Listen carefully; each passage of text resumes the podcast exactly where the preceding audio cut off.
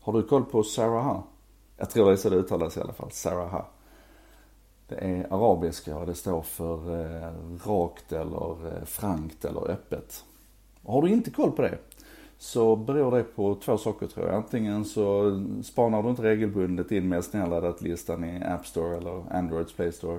Eller så har du inte tonårsbarn. För bland tonåringar och unga vuxna så har det här exploderat den senaste veckan.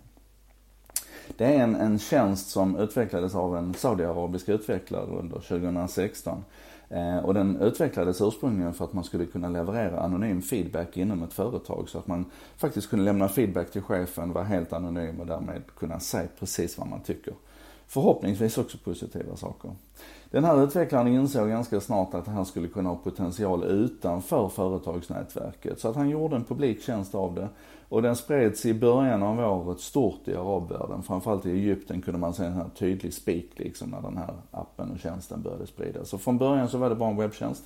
Och sen så har det blivit en, en, eh, en applikation också för de stora plattformarna, Android och Apple.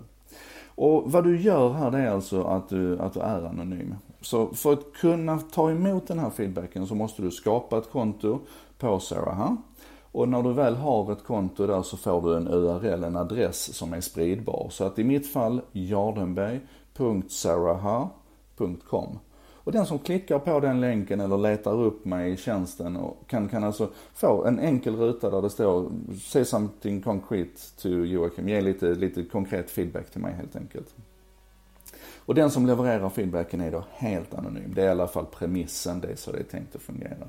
Och om du inte har levt under en sten så kanske du tänker så här, hmm, det här låter ju som Ask FM som var jättestort under en period bland tonåringar just och som byggde på att man kunde ställa anonyma frågor, känsliga frågor. Hur ska jag bli av med mina fotvårtor? Eller hur ska jag tala om för killen i parallellklassen att jag, att jag vill gå ut med honom?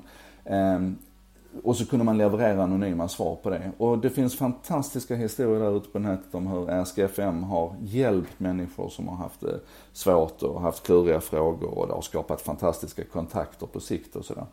Ehm, men det finns också berättelser om näthat och nätmobbing. Och det här var jättestort i skolorna under en period. Man, man, man fick krav ifrån föräldrarna och gick ganska ofta med på de kraven också. Att man skulle blockera den här tjänsten. Så satt du på skolans nät så kunde du inte komma åt SKFM. Det var lite sån moralstorm. Jag tror du kommer ihåg det.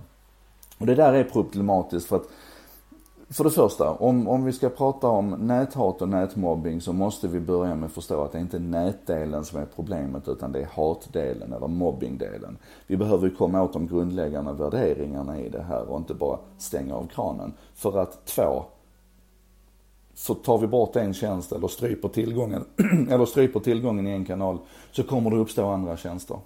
Och om vi nu upptäcker här att, att ehm, Sarah här används för mobbing bland tonåringarna. Men då hjälper det inte att stänga av den tjänsten för det kommer bara komma en annan. Och det här behöver vi begripa och det här behöver vi arbeta på. Att, att förstå liksom de underliggande mänskliga faktorerna. Och kanske till och med utnyttja det faktum att tekniken låter oss komma åt den här mobbingen eventuellt.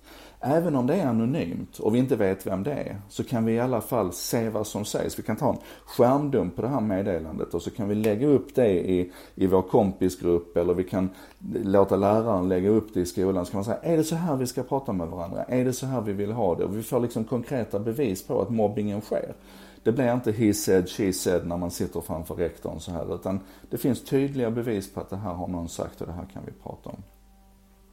Ehm, vi måste också ha klart för oss att tjänster som Sarah här idag, de uppstår inte i ett vakuum utan att den har exploderat som den har gjort. Det är för att Snapchat för ett litet tag sedan ändrade ehm, förutsättningarna för sin tjänst så att man kan lägga in länkar i den. Du kan alltså ha klickbara länkar i en Snap nu.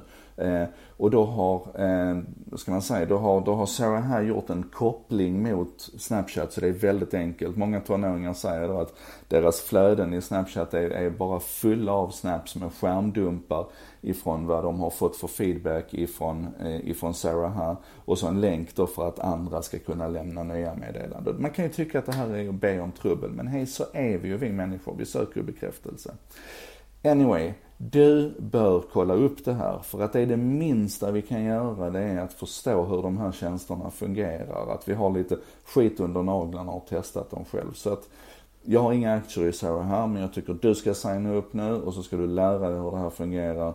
Så att du kan ha en, en informerad och klok och välgrundad diskussion med din tonåring eller med din kompis.